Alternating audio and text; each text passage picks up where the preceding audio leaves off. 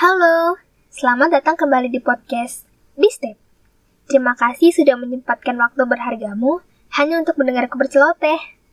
Semoga kamu gak bosan dengar suaraku ya. Selamat mendengarkan.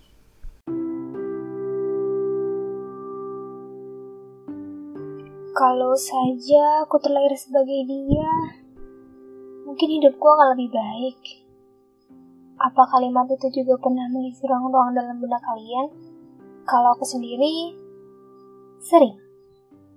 Kenapa lebih banyak orang beruntung dariku? Apa yang istimewa dari seorang gadis kuncir dua yang selalu pulang sekolah dengan baju kumal sepertiku? you know what?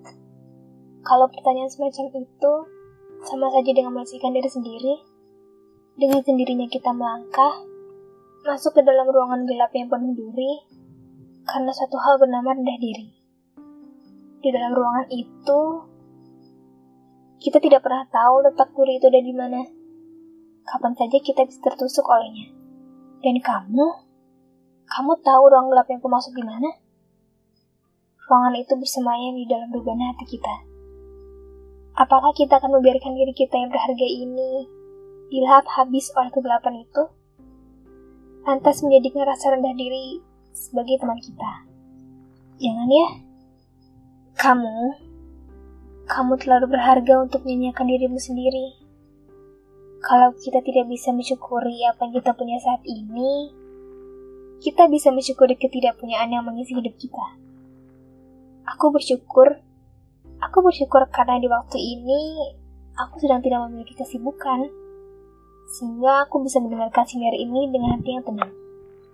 Sudah, mungkin aku memang tidak bisa menjadikan dunia yang kamu jalani akan baik-baik saja dengan segera. Tapi, aku yakin bahwa konsep tidak ada yang abadi di dunia ini adalah nyata. Bahkan meliputi kesedihan, marah, dan kebahagiaan. Semuanya akan punya masa dalam mengisi hari-harimu. Itu yang membuat kita menjadi seorang manusia seutuhnya. Kamu tidak sedang menjalani hidup ini sendirian. Dunia milik orang di sekitarmu juga sedang bekerja pada porosnya masing-masing.